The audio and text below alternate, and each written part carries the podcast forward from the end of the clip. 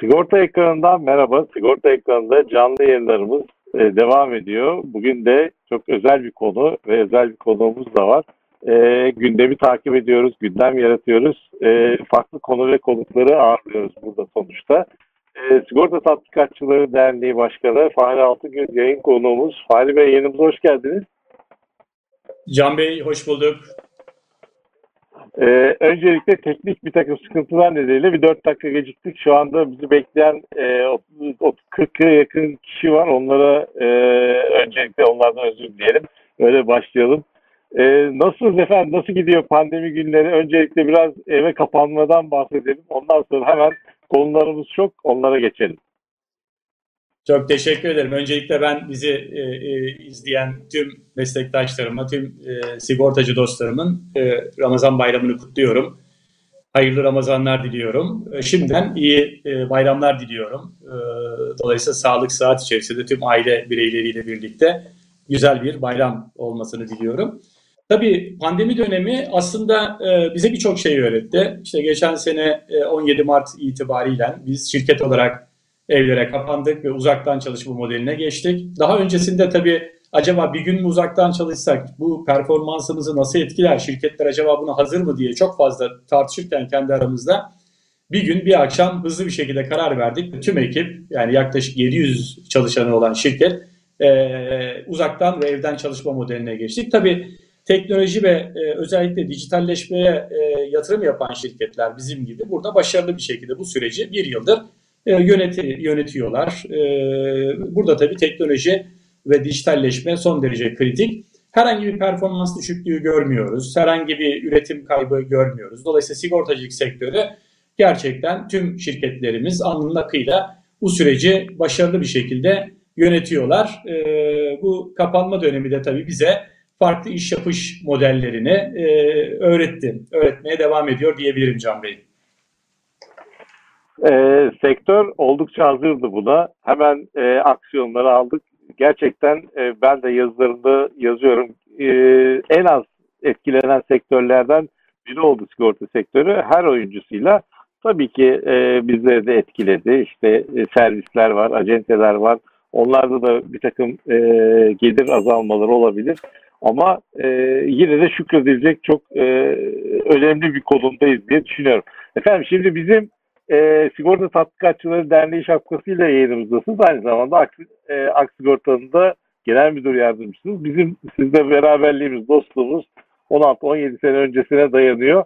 Hatta benim bu sigortacılığa ilk e, giriştiğim yıllarda sizinle oturup sohbet ettiğimizde her konuyu e, konuşuyorduk ve her konudan da sizden e, açık söyleyeyim hani e, çok faydalandığımı da söyleyeyim. Burada hazır baş başa bir program yapıyorken e, bu sektöre ilk fokusla fokuslandığım yıllarda e, çok sohbetimiz olmuştu. Şimdi e, sizin bu, bu konudaki e, yaygın e, bütün sektörün tüm taraflarını, paydaşlarını ve konularına hakim olduğunuzu biliyorum. Sigorta Tatbikatçıları Derneği'nde de e, çok aktif bir e, süreç devam ediyor. Ben de zaten o derneğin başka bildiğim bileni de sizsiniz. E, öyle de devam ediyor galiba. Ama e, gündem oluyor. E, yeni yeni şeyler konuşuyoruz sayenizde. E, bugünkü sohbetimizde de birçok şey var konuşulacak ama öncelikle e, şu zorunlu sigortalardan başlayalım. E, zorunlu sigortaların dünyadaki uygulaması nedir? E, Türkiye'de nasıl uygulanıyor?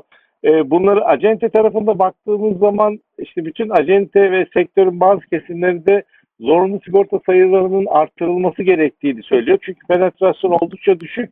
Ancak zorlayarak, zorunlu kılarak e, bir pasta büyütmeye çalışıyoruz. Bu dünyada da böyle mi oluyor? Türkiye'de bundan sonra neler olacak? Ben çok uzattım. Size verdim sözü. Dinliyoruz efendim. Estağfurullah efendim. Şimdi tabii bu zorunlu sigorta konusu e, çok hassas bir konu aslında. E, ve e, gerçekten de sektör olarak aslında bizim bunu daha detaylı konuşmamız gerekir diye düşünüyoruz biz Sigorta Tatbikatçıları Derneği olarak. Yani prensipte tabii yani son söyleyeceğimi ilk söyleyeyim ben. Prensipte zorunlu sigortalar e, aslında sadece bir yani kamu menfaati olan, sadece e, kamuların e, şeyin e, üçün şahıslara İK olabilecek, verilebilecek zarar ziyanlar e, söz konusu olduğu takdirde veya büyük bir katastrofik felaket karşı karşıya kalınması riskleri deprem gibi olduğu takdirde burada elbette ki zorunlu sigortanın ihtas edilmesi doğrudur. E, ilkesel olarak da serbest piyasa ekonomisinde bu zorunlu sigortaların ihtası sadece bu alanlarda olmalıdır. E, bunun dışındaki diğer sigortaların yani serbest tarife uygulamasında serbest e, serbestliğe uygun bir şekilde e, gelişmesi doğrudur.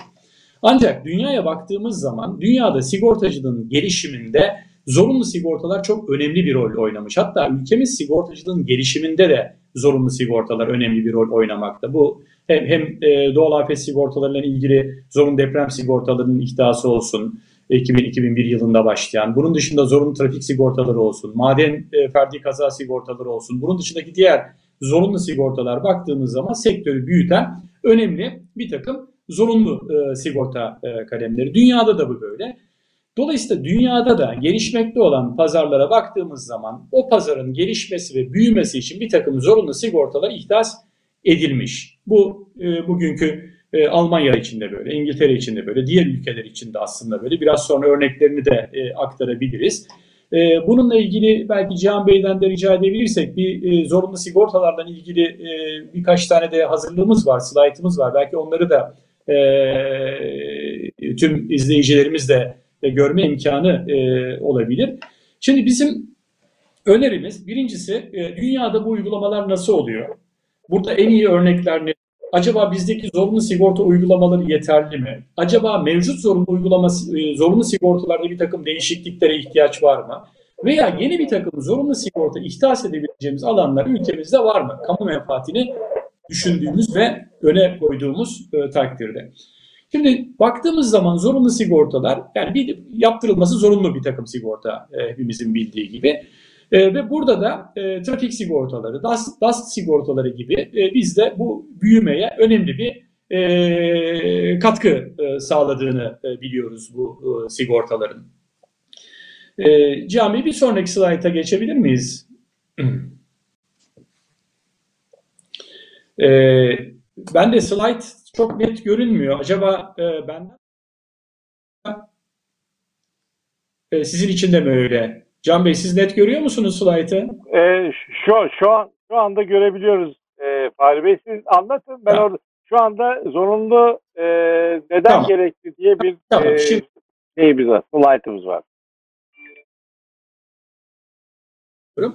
Şimdi e, burada baktığımız zaman e, özellikle e, hep kamu menfaati diyorum ben. Yani üçüncü şahıslara verilebilecek zarar ziyanlarla ilgili birçok zorunlu sigortanın ihtas edilmesi doğru. İşte bu e, baktığımız zaman zorunlu trafik sigortası olsun, e, medmal dediğimiz e, hekim sorumluluk sigortaları olsun, doğal afet sigortaları olsun. Bunlarla ilgili bir takım zorunlu sigortalar bu tarihe kadar ihtas edilmiş durumda. Burada tabii temel ilke hem e, kamunun yani devletin hem sigorta ettirenin yani sigortalının hem de zarar gören üçüncü kişilerin bir fayda, bir yarar temin etmesi e, ilkesi burada çok önemli. Buna da işte triple win dediğimiz yani kazan kazan kazan ilkesi. Yani bütün herkes aslında hem kamuda e, burada risklerini e, minimize etmiş olacak hem e, e, üçüncü şahıslara verilen zarar ve ziyanlar bir şekilde bu sigorta sisteminden karşılanmış e, olacak. Bu da dünyadaki uygulamaları da bunun e, bu şekilde e, olduğunu söyleyebiliriz.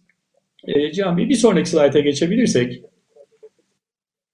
Şimdi dünyadaki uygulamalar nedir diye baktığımız zaman e, zorunlu sigortalarda genellikle dünyanın birçok e, farklı ülkesinde bizdeki gibi trafik zorunlu sigortaların zaten olduğunu e, biliyoruz. Mesela İsviçre'de e, bizdeki gibi trafik sigortaları. Mesela ücretli çalışanlar için kaza sigortaları zorunlu. Bunun dışında bazı kantonlarda İsviçre'de bina sigortaları zorunlu. Bu yangın, su hasarları, doğal afet gibi takım risklere karşı. Yine sağlık sigortaları baktığımız zaman bir de çocuk sigortası dediğimiz bir takım sigorta kapsamlarının zorunlu olduğunu görüyoruz. İngiltere'ye baktığımız zaman yine trafik sigortası. Mesela çok enteresan ki bu e, benim de e, buradaki önerim bu. İşveren sorumluluk sigortası mesela zorunlu. Nükleer tesis işletmeciliği sigortası var. Bir de açılık sigortası burada e, zorunlu. Fransa'ya baktığımız zaman Fransa'da bir miktar daha farklı. Yani kira, kiracı mesela sorumluluk sigortası var. Trafik sigortalarının yanı sıra. Yapı sigortası dediğimiz, decennial liability dediğimiz bir yapı sigortası e, zorunlu sigorta kapsamı içerisinde burada. Diğer kıyasla. Şimdi Almanya tabii farklı bir e, örnek. E, hem e, çatı kanun anlamında da Almanya, e, İngiltere, Fransa farklı örnekler. Burada trafik sigortası zorunlu. Bunun dışında mesela mesleki sorumluluk sigortaları zorunlu. Yani avukatlar için, marka patent vekilleri için, noterler için, mimarlar için, mühendisler için, mali müşavirler için ve hekimler için sigortanın zorunlu olduğunu e, görüyoruz. Bunun dışında işletme sorumluluğu sigortası yine zorunlu kapsam içerisinde. Avcı sorumluluk sigortası var. Yine hayvan sahipleri için bir sorumluluk sigortası söz konusu. Mesela bu da çok önemli. Aslında yani bizim de e, çalışmamız gereken alanlardan e, bir tanesi bu. Seyahat acenteleriyle ilgili e, zorunlu sigorta var. Onların bir acize düşmesi konusu. Bir de daha önceki mesela dönemde yangın sigortaları zorunluyken artık hani bugün itibariyle zorunlu sigorta olmadığını söyleyebiliriz. Dolayısıyla bu coğrafyada, bu gelişmiş pazarlarda da sigortanın gelişmesi, gürbüzleşmesi, büyümesi bu tür zorunlu sigortalarla da gerçekleşmiş. Yani bu ülkelerde toplam gayri milli hasta içerisindeki sigortanın payına baktığımız zaman neredeyse bazı ülkelerde yüzde 6-7'ler ama bazı ülkelerde de yüzde 4'ler 5'ler seviyesinde. Yani bizde 1.4, 1.5 seviyesinde olan aslında gayri safi milli hasta içerisindeki payı bizim 3 katımız veya 4 katımız. Dolayısıyla bizim gidecek aslında çok ciddi bir yerimiz söz konusu büyüme anlamında. Bir sonraki slayta geçebilirsek Cihan Bey. Evet bizdeki uygulamalar ile ilgili bir sonraki yine geçebiliriz slayta. Bizdeki e, zorunlu sigorta uygulamalarına baktığımız zaman deniz araçları zorunlu sorumluluk sigortası var. Hepimizin bildiği gibi trafik e, sigortası zorunlu. Kıyı tesisleri e, e, sorumluluk sigortası var. Özel güvenlikle ilgili sorumluluk sigortası var. Tehlikeli maddeler var. Tıbbi kötü uygulama bu medmal dediğimiz hekim sorumluluk var. Tüp gaz zorunlu sorumluluk sigortası var. Bir de zorunlu sertifika mali sorumluluk sigortası gibi aşağı yukarı bu e, zorunlu sigortaları diğerlerini de eklediğimiz zaman e, diğer kanunlardaki zorunlu sigortaları da eklediğimiz zaman zannediyorum bir 17-18 kadar bizde zorunlu sigorta var ama genellikle bunlardan trafik sigortası, e, hekim sorumluluk sigortası, maden e, zorunlu maden çalışanlar için ferdi kaza sigortası gibi ve DASK dediğimiz zorunlu deprem sigortasının penetrasyonu görece yüksek. Ama onun dışındaki diğer zorunlu sigortalarla ilgili çok geniş bir penetrasyonun olmadığını söyleyebilirim. Hatta bazılarında yok denecek kadar az sigorta poliçeleri söz konusu. Şimdi bu yurt dışı örneklerine baktığımız zaman, bizdeki mevcut duruma baktığımız zaman birincisi bizdeki zorunlu sigortaları mevcut durum içerisinde bir miktar daha elden geçirmekte yarar e, görüyoruz biz. Hem teminat kapsam açısından hem limitler açısından hem e, fiyatlar ve uygulamalar açısından hem de genel şartlar açısından bunların bir revizyona e, ihtiyaç olduğunu söylemek e, doğru olacaktır diye düşünüyorum. Bir sonraki e, slaytta olması lazım. Yani neler olabilir bizim hani önereceğimiz ülkemiz için yeni e, eğer bir zorunlu sigorta ihtiyası söz konusu e, olur ise mesela bazı meslekler için aynı Almanya'da olduğu gibi bir sorumluluk sigortası bu professional indemnity dediğimiz yani mesleki sorumluluk sigortalarının hakikaten yaygınlaşması gerekiyor. Bunların da bir zorunlu kapsam içerisinde yaygınlaşması daha rasyonel, daha doğru olabilecektir. Mesela bu diyelim ki avukatlar için, mali müşavirler için, muhasebeciler için, noterler, mimarlar ve mühendisler gibi meslek grupları için bir sigorta, zorunlu sigorta ihtisasının olması özellikle e, mesleki faaliyetleri sebebiyle aynı hekimlerde olduğu gibi eğer ki üçüncü şahıslara karşı veya mudilerine, müşterilerine karşı bir e, zarar ziyan söz konusu olur. Kendilerine terettüp edebilecek bir takım hukuki sorumluluklar olursa ki bu meslek gruplarının tamamında öyledir. O takdirde bir e, sorumluluk sigortası kapsamı içerisinde onların e, güvence altına alınması ve bu tür risklerini sigortaya devretmeleri çok rasyonel e, bir öneri e, olacaktır. Bunun yanı sıra yine e, sunumdan gidebilirsek e, Cihan, Cihan Bey rica etsem. Bir iki şey daha söyleyeceğim. Hemen tamamlayacağım sözlerimi Can Bey. Ee, mesela e, işveren sorumluluk sigortası bunu çok önemsiyorum ben. Ürün sorumluluk sigortası bu da çok önemli. Bir de çalışanlar için iş kazası sigortası önemli. Yani e, işveren sorumluluk sigortasının ki bugün bence en önemli konu başlıklarından ve sektördeki en büyük e, problemlerden bir tanesi e, bu olabilir. Dolayısıyla işveren sorumluluk sigortası gibi, çalışanların bir iş kazası sigortaları gibi sigortaları Bir de bazı meslek grupları için sigortaların zorunlu olarak ihdas edilmesi aslında bir kamu menfaati de yaratacaktır diye özetleyebilirim. E, Fahri Bey hemen e, bu kısmında ben de sorumu sorayım. Biraz daha e, sorulu cevaplı gidelim. Çünkü sunumunuzu izledim. Ya dünyada e, yani zorunlu sigorta uygulamalarını şimdi fark ettik. E, İngiltere'de özellikle atlara e, ve e, biriciliğe bir sigorta var ve bu da zorunlu. E, çocuklara yönelik var o ilgimi çekti ve evdeki herhalde e, hayvanları besledikleri e, hayvanlara karşı da bir sorumluluk sigortası var. E, Almanya'da sanırım. Şimdi bütün bunlar güzel de e, bizim Türkiye'de e, zorunlu sigortayı sadece trafik dışındaki e, çok fazla zaten e, zorunlu değil. Yani isminde zorunluluk var ama e, yine gönüllülük esasına dayanıyor. DASK mesela e, bunun bir cezai müeyyidesi yok. Dünyada da örnekler böyle efendim? Gerçekten zorunlu mu? E, biraz ondan bize bahsedin. Bir de bunun dağıtım kanallarına etkisi, faydası e, kısmına geleceğim. Çünkü söylediğiniz bu alternatif zorunlu sigortalar oluştukça tüm acentelerin eli rahatlayacak. Trafik e, esaslı bir e, satış e, şeyine odaklanmadan vazgeçip e, farklı alanları da e, göz önüne alacaklar. Onlara da bir gelir, e, ekstra bir gelir olur diye düşünüyorum. E, şimdilik e, bunlara cevap verseniz daha sonra cevap Tabii. bir sorum daha var. Can Bey tabii şimdi şöyle yani gelişmiş pazarlarda eğer bir sorumlu sigorta ihdas edildiyse bu zorunlu sigortayı zaten e, tüm e, kişiler yaptırmak durumunda ve yaptırıyorlar. Aksi takdirde mesleğini icra edemezler. Pardon.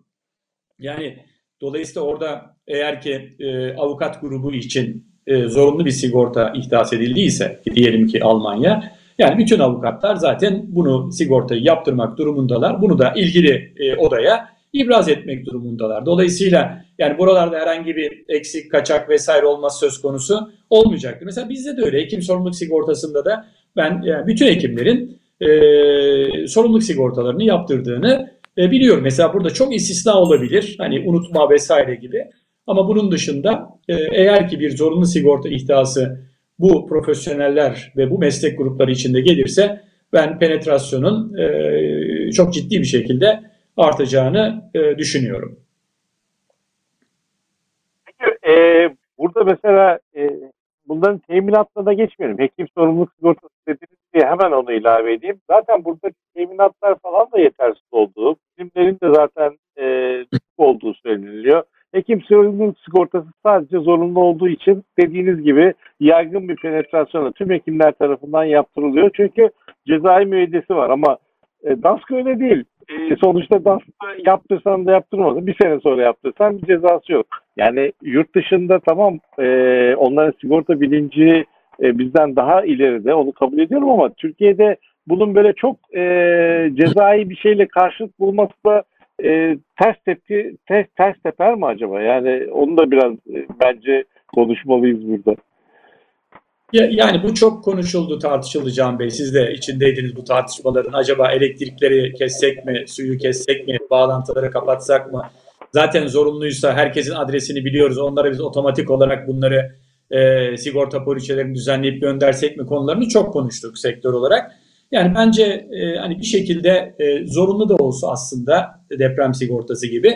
Yani bunu biz bir farkındalığı, bilinci bizim artırmamız gerekiyor. Yani acentelerimiz olarak, e, biz şirket çalışanları olarak, sizler özellikle e, sigorta sektörünü temsil eden e, medya e, mensupları olarak, e, fikir önderleri olarak, e, dolayısıyla sizlerin, bizlerin bu farkındalığı artırarak penetrasyonu yukarıya çıkarmamız gerekiyor. Bakın %20'lerdeydi, 30'lardaydı DAS penetrasyonu, %55-60'lara geldi. Yani bu da aslında çok olumlu bir gelişme.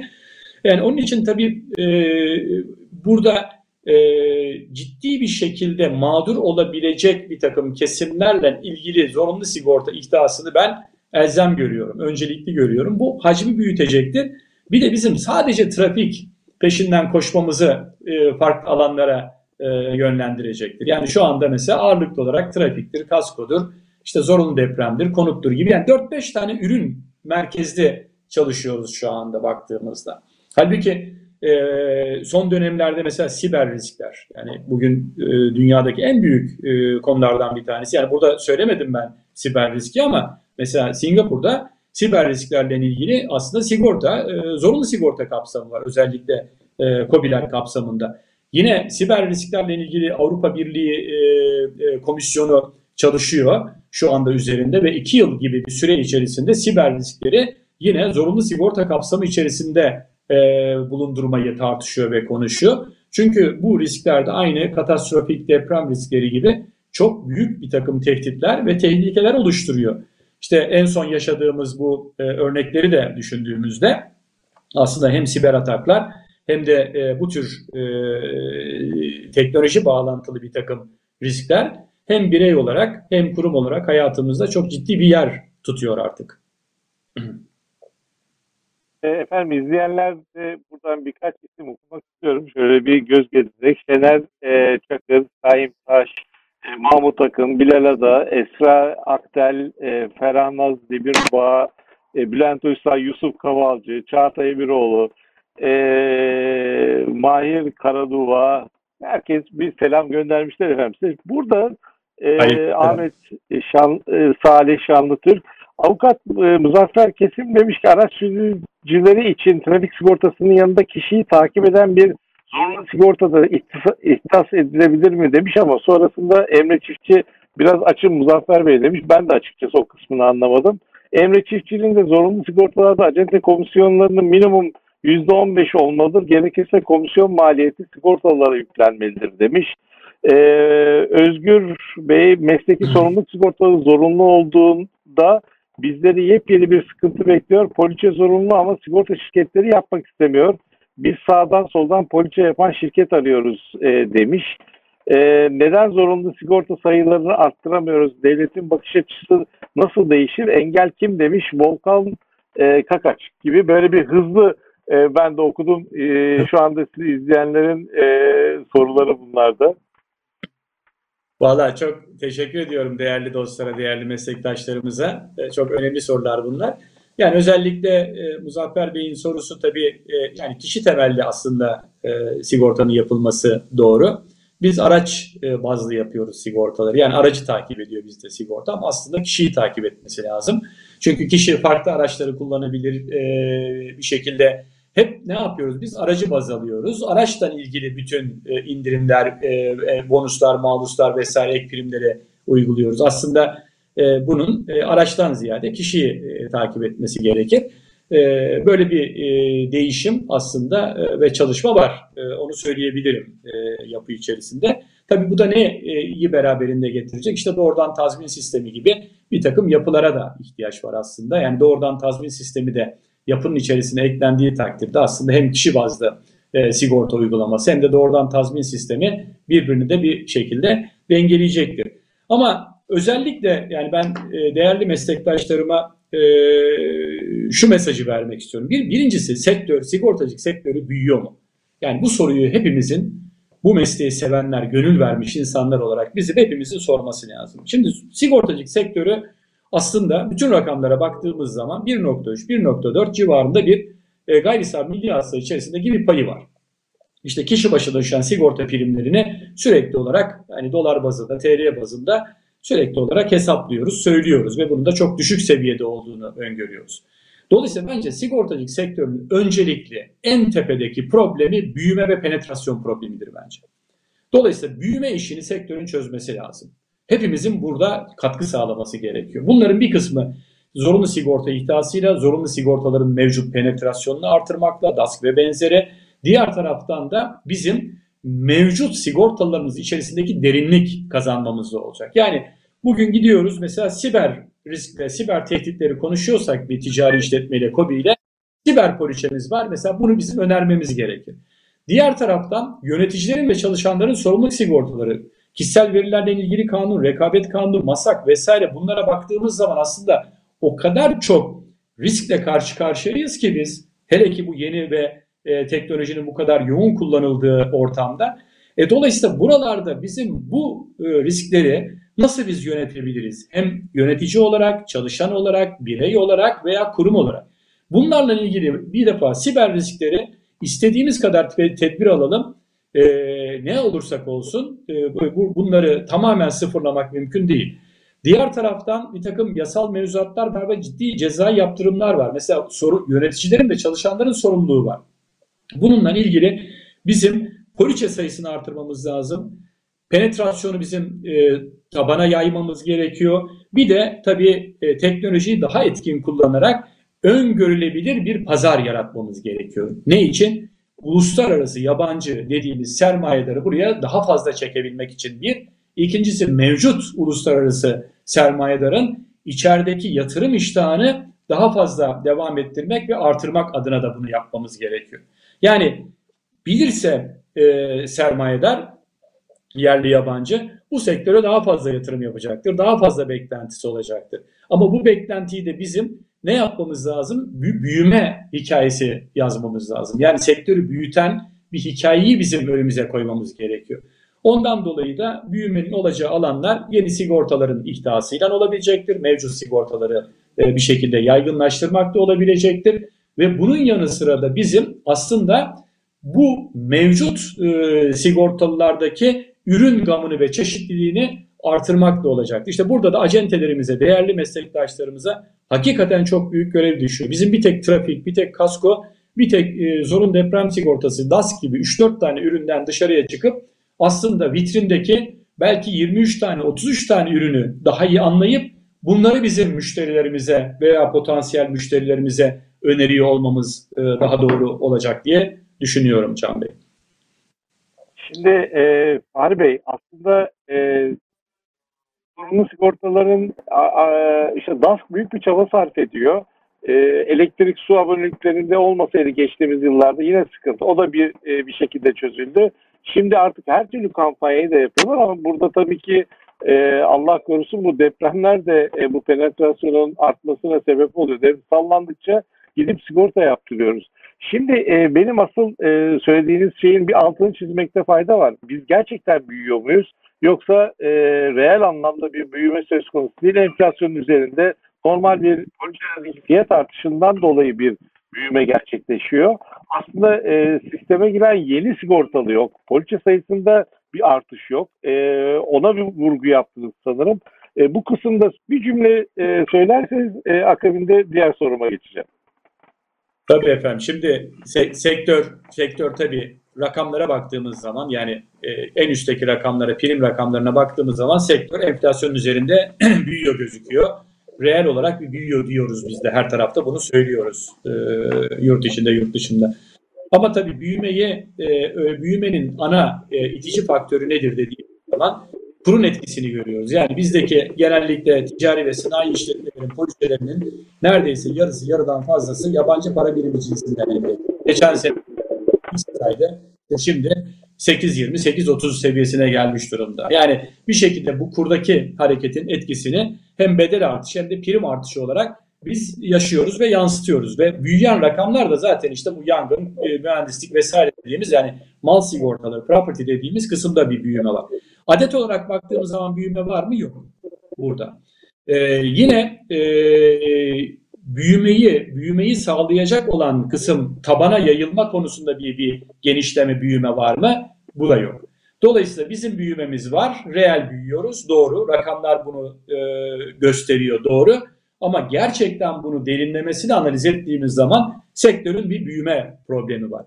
Bu büyüme problemini de bizim el birliğiyle çözmemiz lazım. Yani daha fazla poliçe satmamız, daha fazla prim yazmamız, daha fazla acentelerimizin komisyon alması, gelirini artırması mutlaka şart. Bunun için de bizim büyümeyi ilk hedefe ve önceliğe koymamız gerekiyor e, diyebilirim Can Bey. E, Fahri Bey, e, izleyen e, meslektaşlarınız bunları soruyor. E, Özgür, e, bu arada Emre Bey demiş ki işte komisyonların azlığından bahsetmiş. Akabinde Özgür Bey de demiş ki ya bu e, zorunlu sigortalar zaten hazır müşteri. O yüzden burada acenteler hani çok büyük bir komisyon beklememeli demiş. Burada e, Necdet, e, Necdet e, Karabacak, Fahri Hocam ülkemizde doğan her çocuğun el, e, devlet destekli 18 yıl zorunlu sigorta poliçesi uygulaması ülkemizde yapılamaz mı? Yani tamamlayıcı sağlık anlamında da e, bu olabilir. Aslında biraz buradan yayamaz mıyız işi? Hazır tamamlayıcı sağlığa da ilgi varken E, bu taraftan da Bu- bir zorunluluk olamaz mı acaba? Olabilir işte bu biraz önce e, zannediyorum İsviçre modelinde e, vardı bu. Yani çocuk doğ- doğduğu andan itibaren sigorta kapsamı içerisine alınıyor ki bütün o hakları, bütün güvenceleri olsun diye. Yani e, bu tabii çok aslında hem e, sosyal bir konu hem de yani bir sorumluluk konusu. E, bunlar tabii olabilir, geliştirilebilir. Yani bu bu tartışmayı açmamızın sebebi zaten yani doğru hangisi doğru, hangisi rasyonel ülkemiz için? Şimdi dünyadaki farklı modeller var. Bize bunlar uymayabilir. Ama hangi model rasyonel, hangi model üzerinde bunlar tartışılıp konuşulmalı, hangileriyle ilgili bize bunlar uyarlanabilir konusunda bir tartışma platformu oluşturmak e, gerekiyor. Bu açıdan da biz özellikle bu araştırmayı yaptık ve ondan sonra da bunu kamuoyuyla e, sizin üzerinizden e, paylaşalım e, istedik. Dolayısıyla yani bu şu anda çocuklarla mı ilgili olur, bu işte evcil hayvanlarla mı ilgili olur, bu işte işveren sorumlulukla mı ilgili olur? Yani nerelerden başlanarak bu geliştirilebilir? E, bunu yine hem e, SDK ile, e, kamu otoritesi ile hem e, sigorta şirketleri birliğimiz ile hem sizler vasıtasıyla bu tür paneller, seminerler, toplantılar, e, bir takım makaleler ile e, bir şekilde bizim o farkındalığı artırmamız gerekiyor. Bu da bir ateşleyici unsur olsun diye aslında bu örnekleri söylüyoruz. Elbette ki e, böyle bunları geliştirmek e, mümkün olabilecektir e, diyorum ben de. Fahri Bey, e, ben şu anda e, zamanın bize yetmeyeceğini, o yetmeyeceğinden korktum açıkçası. Bizim sohbetlerimiz size de uzun sürerdi ama burada da e, burada kesmek istemiyorum. Çok önemli konular konuşuyoruz. Bu arada çok ciddi katılım da var. E, onlar da e, interaktif olarak e, sohbete katılıyorlar. E, şunu söyleyeyim ben de biraz, biraz sonraki konumuza da girmeden önce hoş bir e, ön giriş olsun bununla beraber. Çağataş Emirhan e, Emir e, Mahmutoğlu demiş ki Hazine sizce gerçekten şapkasının önüne koyup sektörü geliştirmek istiyor mu? Hazine dediği SDDK'dan ağırlıkla bahsediyor muhtemelen. Devletin sektöre bizzat oyuncu olarak girmesi, bu işe yatırım yapan şirketlere kamu gücüyle rakip olması doğru mu? Bu çok kritik bir soru. E, bu arada Ahmet Yaşar e, sevgili Quick Sigorta Genel Müdürümüz e, Sayın Başkan regülasyonlardaki bir türlü çözülemeyen belirsizlik ve öngörülülük e, ne olacak? Bu gidişle Dimyat'a pirince giderken eldeki bulgurdan da olmayalım. E, şu anda Türkiye'de yatırım yapmak isteyen e, veya yatırım yapan yabancı şirketleri de e, bu tür e, patinajlar acaba e, sıkıntıya sokuyor mu diye sormuş. E, bu arada e, İlhan Toprak'ta Fahri Bey sigorta şirketleri olarak ortak bir ARGE merkezi kurulamaz mı demiş.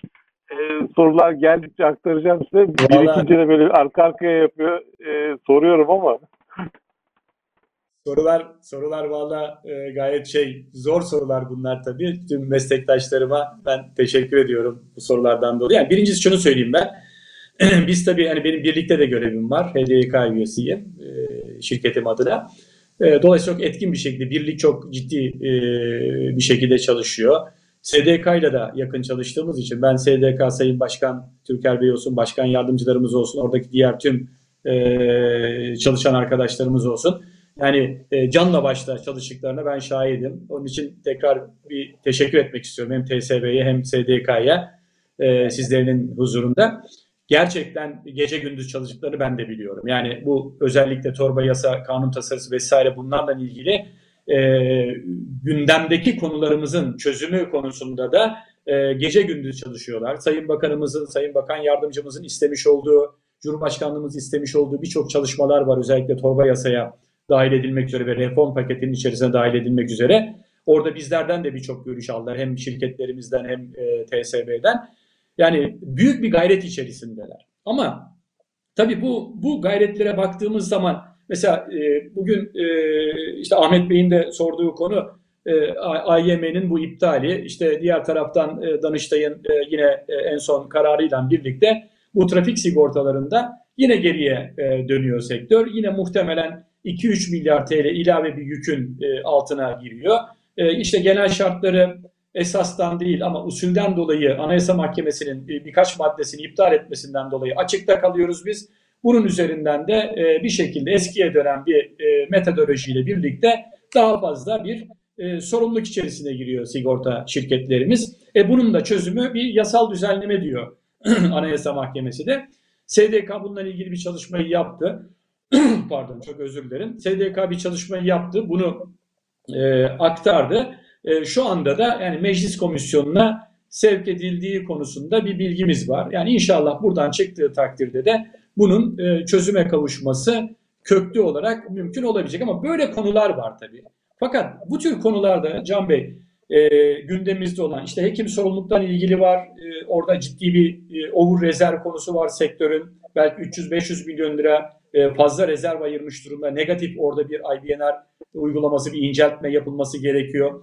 Öbür tarafa baktığımız zaman AYM kararlarıyla ilgili torba yasada yeni bir düzenlemeye ihtiyaç var gibi gibi. Yani birçok aslında hızlı e, alınması gereken e, yasal veya ikinci düzenlemelerin olduğunu da söylememiz doğru olacaktır. İşte bundan dolayı e, sizin de yani ana sorunuza gelince aslında e, sigortacılığın tamamının farklı bir takım kanunlardan beslendiği için bizim mesleğimiz bunun çatı bir kanun altında tek bir çatı altında toplanması çok daha rasyonel ve hemen hemen bu saydığımız e, sektördeki e, bütün bu problemlerin de e, köklü bir çözümü e, olacaktır diye e, çatı kanun konusuna bir gönderme yapmış olayım Can Bey.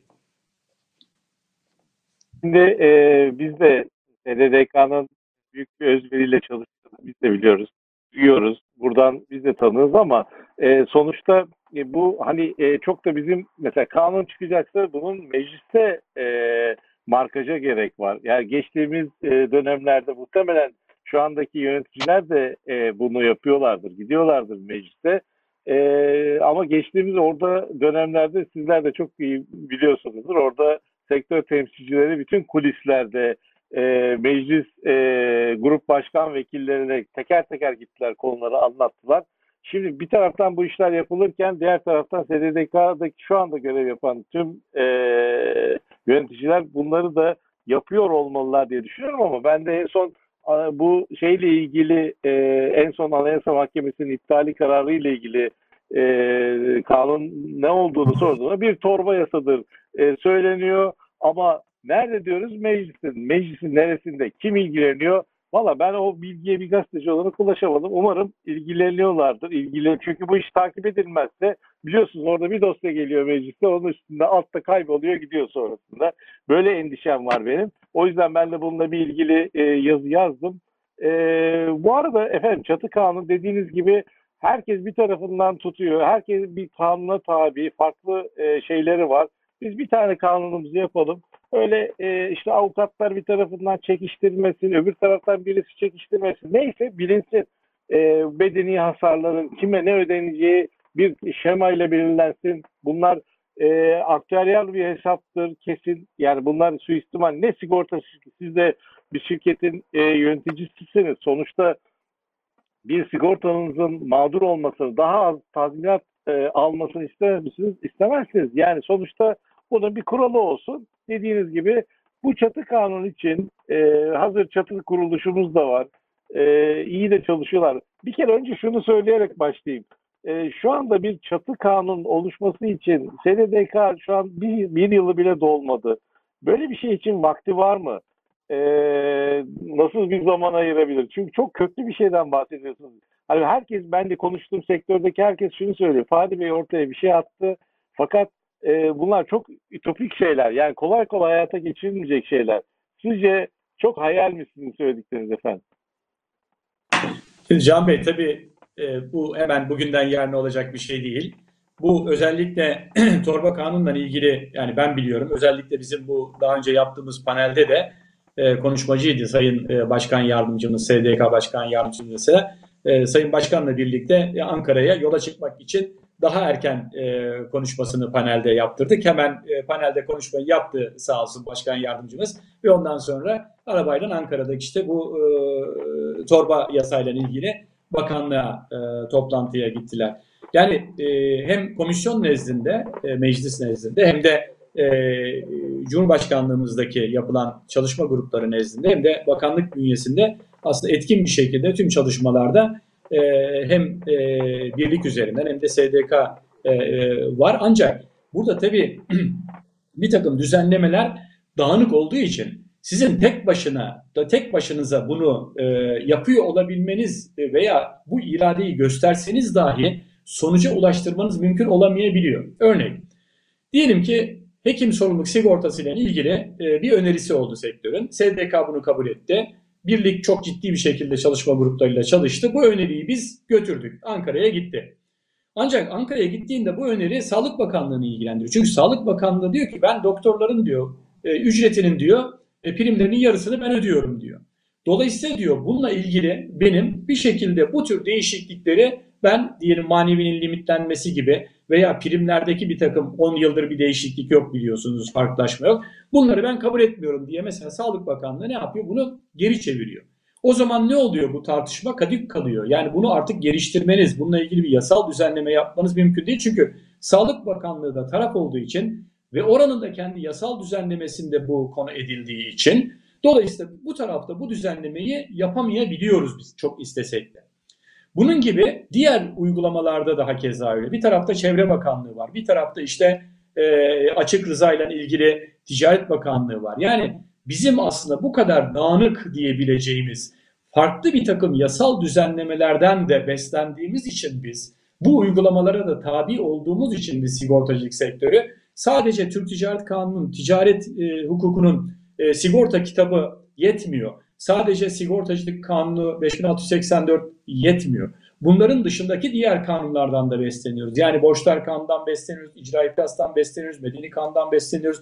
Diğer bir takım e, düzenlemeler de bizim hayatımızı doğru trafik kanunu gibi etkilendiği için mesela trafik AYM'nin kararıyla ilgili e, bir e, düzenlemede ne yapıyoruz bizim? Trafik kanununa gidip trafik kanunu değiştirmemiz gerekiyor. Yani hani bir taraftan bizim herhangi bir e, irade göstersek bile sektör olarak veya düzenleyici otorite olarak irade göstersek bile diğer tarafta bizim bunu realize edebilmemiz, bir kanuna veya ikinci düzenlemeye kavuşturabilmemiz kolay olamıyor maalesef.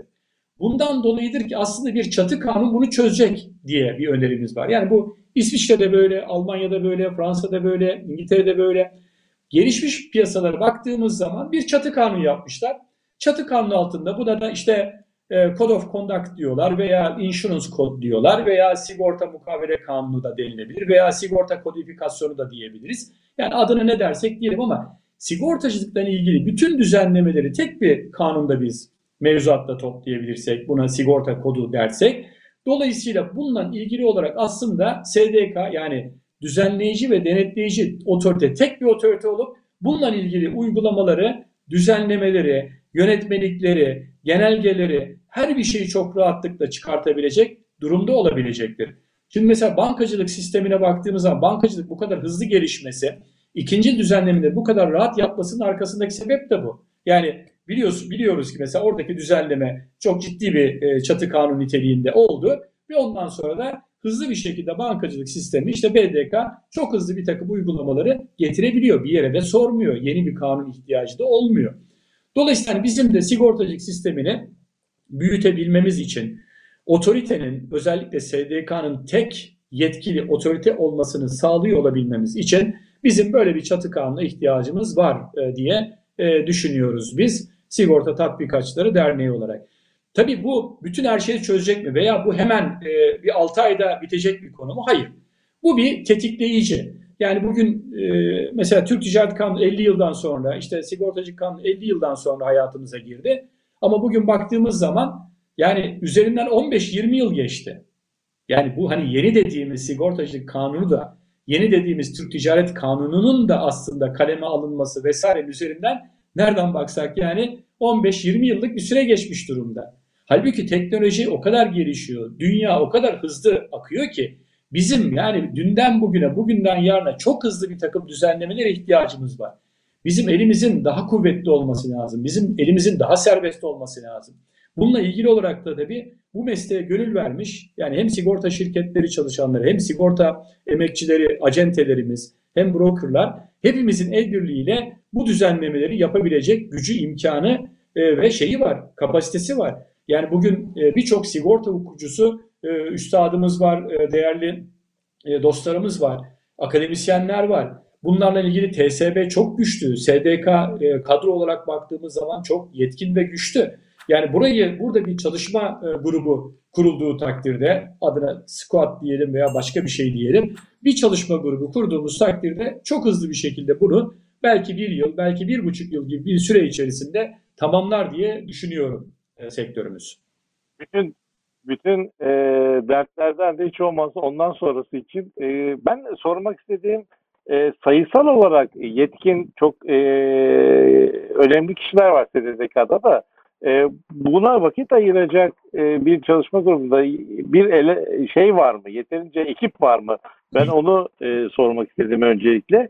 Bu arada e, Esra Aktel başka bir konu konuya farklı bir taraftan da yaklaşmış. Demiş ki aslında sigorta yaptırabilmemiz, sigortanın e, sigorta penetrasyonun artması için ekonomik koşulların da uygun olması e, gerekiyor. Şu anda konjöktür bunu yansıtmıyor. E, yani bir de bunların üzerine zorunlu sigorta yüklenmesi doğru mudur e, gelmiş sorusu. Bu arada Kemal Gazioğlu, Fahri Bey merhaba. SDDK'nın sermaye yeterlilik hesaplamalarında yaptığı değişiklik ile Danıştay'ın kanun iptali sizce trafik sigortalarında bir kaosa yol açar mı demiş. E, bu arada e, Muzaffer Kesim çatı kanununda sigorta aracılarının bağımsız birlik olarak veya TSB çatısı altında örgütlenmesi gerekir e, top e, bizim sorunlarımızı anlamaktan çok uzakta. E, bunlar düzenlendiği zaman bütün bunların hepsi acenteler, brokerlar, e, bunların iş alanları, e, görev alanları hepsi belirlenecek. Değil mi? Bunların hepsi e, tek e, bu çatı kanunda hepsi e, tekrardan bir ele alınmış olacak. Zaten Türker Bey'in de başkanın da e, bu çalıştayı yapalım, hani bütün bunları tekrardan belirleyelim dediğinin aslında temelinde de e, böyle bir şey yatıyor sanırım.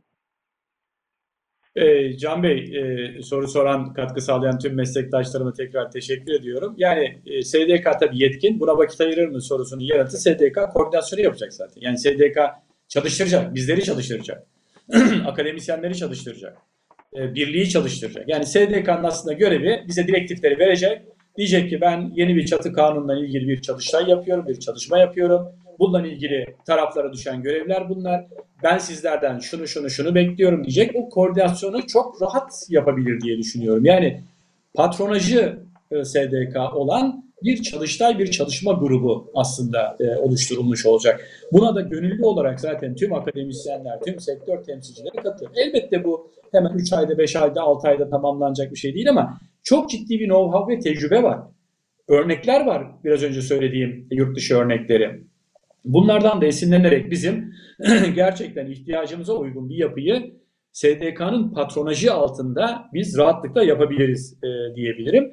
E, diğer taraftan tabii sermaye yeterliliği veya AYM'nin iptali e, konuları elbette ki önemli konular. Bunlar sektöre e, ilave bir yük getirir. Biraz önce söylediğim gibi eğer torba kanunda yeni bir düzenleme olmazsa şu anda ilave bir yük geldi zaten sektöre Danıştay'ın da en son bu e, kararıyla birlikte bu ilave yükün zannediyorum yani bugünün şartlarında böyle birkaç milyarın üzerinde bir ilave yük geldi.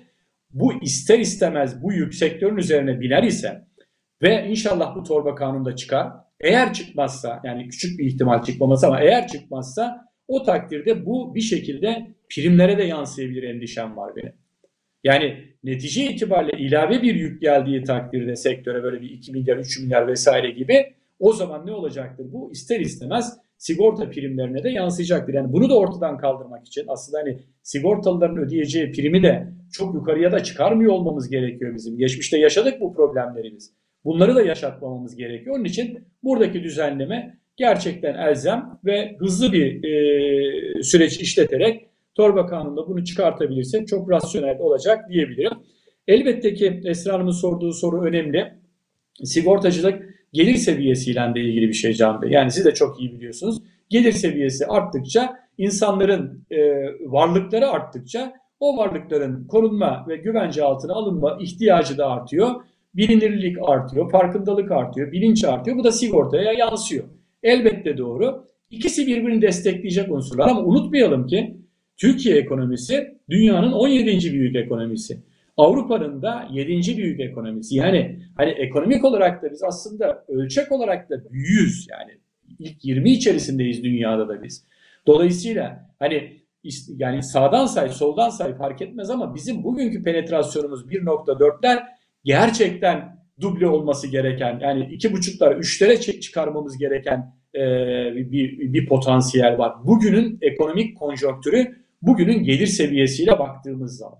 Yani haklıdır Esra Hanım doğrudur. Elbette ki gelir seviyesi önemli. Elbette ki tasarruf vesaire önemli ama bugünkü mevcut ülkenin ekonomik konjonktüründe bizim 1.4'ler hak ettiğimiz bir seviye değil. Bunu bizim yukarıya taşımamız lazım.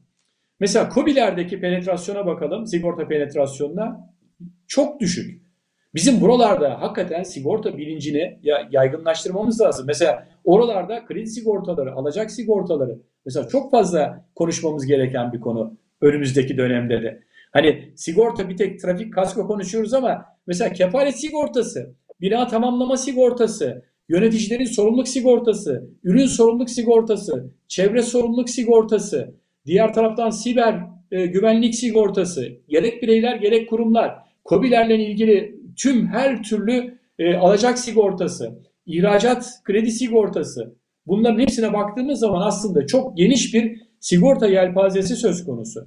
Elbette burada bir takım düzenleme ihtiyaçlarımız var. Elbette burada bir takım reasürans ihtiyaçlarımız var ama bunları bizim daha fazla tartışmamız gerekir diye düşünüyorum. Peki Fahri Bey, e, sonuçta artık programımızın sonuna geliyoruz. Bir saatte tamamlayalım bari dedim ama 5 dakikada geç girdik. E, onun için 2-3 dakikamız daha var. Efendim şunu da e, şimdi soru Ahmet e, Salih Şanlıurt'tan gelmiş. E, demiş penetrasyon artması için hasar anında sektörün aynası olan e, sigortalara ilk dokunan eksperlerin de bağımsız bir birlik olarak örgütlenmesinde fayda var demiş. Broker Derneği Başkanı Selcan Hanım e, da bu konuda e, bir söylemde bulundu. Acenteler yıllardır e, bir birlik peşindeydi. E, bu arada Levent Ergun'u rahmetle anıyoruz. Onun da ölüm yıldönümüne yaklaşıyoruz. Mayıs ayında kayb kaybetmiştik onu da. E, o da e, birlik için çok yıpranmıştı. Bu çatı kanun e, düşünceniz içerisinde bu sektörün üç önemli paydaşının e, bir çatısı altında e, yer alması sizce e, uygun mudur efendim? Ya valla benim kişisel görüşüm şu tabii e, yani e, her tür örgütlenme katkı sağlayacaktır diye düşünüyorum. Yani bunlar oda olabilir, birlik olabilir, dernek olabilir. Fakat yani mutlaka e, bir yapı içerisinde olması e, ve o yapı içerisinde daha organize hareket etmeleri her zaman için katkı sağlayacaktır. Bugün baktığımız zaman yani hem e, avukatlarla ilgili, hukukçularla ilgili olsun, işte ne bileyim hekimlerle ilgili olsun birçok çatı organizasyonlar söz konusu. Elbette ki eksperler de çok değerli meslektaşlarım da e, bu sektöre e, sektörün emekçisi onlar. Yani gece gündüz demeden pandemi ortamında bile e, hiç yüksünmeden e, her yere gidiyorlar. Yani bir tek e, yangın hırsızlık kasko eksperleri e, olarak söylemiyorum arkadaşlarım, meslektaşlarımı. Diğer tarafta mesela tarım alanında çalışan eksperler de var e, Tarsim bünyesinde. Yani orada da yaklaşık bir 2500 kadar eksper e, arkadaşımız var. Onlar da can siperhane yani bu pandemi ortamında gidiyor. Dolayısıyla elbette ki eksper e, meslektaşlarımızın, e, dostlarımızın da e, bir çatı e, organizasyon içerisinde e, bulunmaları elbette ki ama bugün zaten e, SEİK bünyesinde temsil ediliyorlar zaten. Yani SEİK bir şekilde temsil ediyor. Acaba bunun dışında farklı yaş var mıyı? Kendi aralarında onların SEİK'le birlikte konuşuyor olmaları e, katkı sağlayacaktır. Elbette ki bu yeni yasal düzenleme için bir çalıştay yapılırsa orada da bunlar kendi aralarında, kendi aramızda müzakere edilecek konu başlıklarıdır diyebilirim. Ama her tür örgütlenme aslında her tür organizasyon bu mesleği yukarıya çıkartır veya her sektörü ve mesleği yukarıya çıkartır. Dünyada sigortacılığın gelişimi de müteellerle olmuştur Can Bey. Siz çok iyi bilirsiniz. Yani müteal şirketlerle sigortacılık kurulmuş. Müteal Amerika'da öyle, İspanya'da öyle, Almanya'da öyle. Bütün ülkelerde müteal yani bizdeki kooperatif dediğimiz yapıyla olmuş. Mesela Mapfre'nin yapısına bakın. Amerika'daki şirketlere bakın. Hepsi müteal şirket kuruluşları. Daha sonra anonim şirket olmuşlar. Dolayısıyla bizde de böyle yani organizasyonların e, olması, e, çatı organizasyon altında temsil edilmelerini ben e, doğru buluyorum. Yani ister eksperler olsun, isterse diğer e, meslek kuruluşları olsun.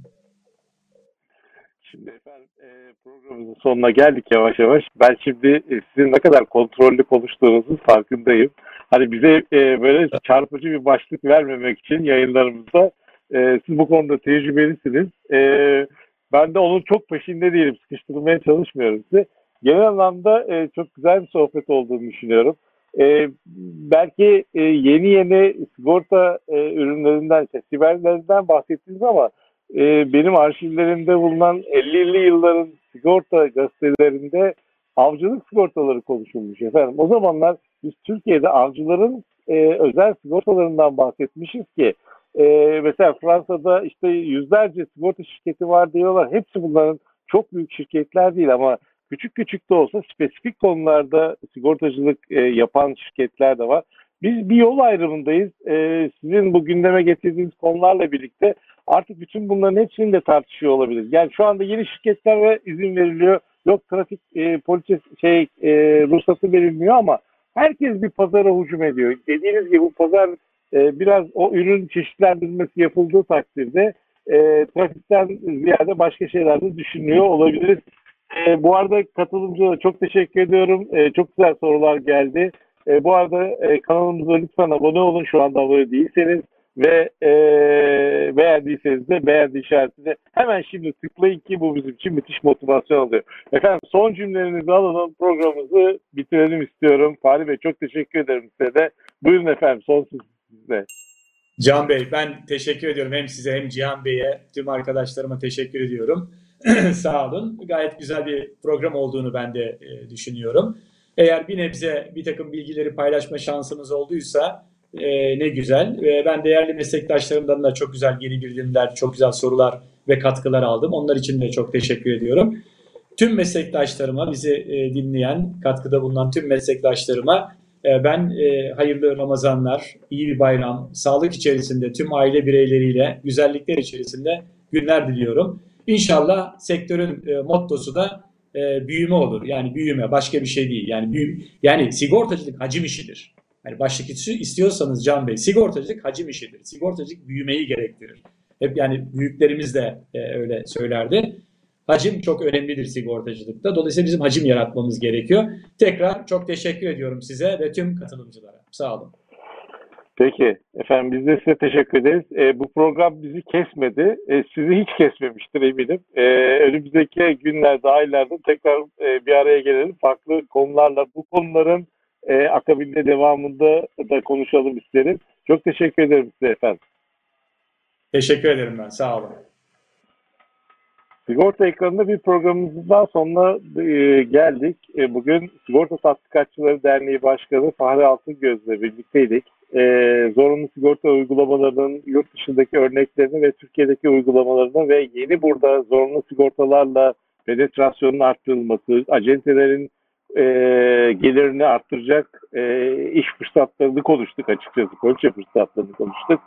E, önümüzdeki günlerde farklı konu ve konuklarla tekrar birlikte olmak e, umuduyla sağlığınıza dikkat edin efendim. E, iyi bir Ramazan ayı ve daha sonrasında bayramdan önce mutlaka görüşürüz. Bayramınızı o zaman kutlarım. Şimdilik sağlığımıza dikkat edip evde kalıyoruz. Sağlıkla kalın efendim. Hoşçakalın.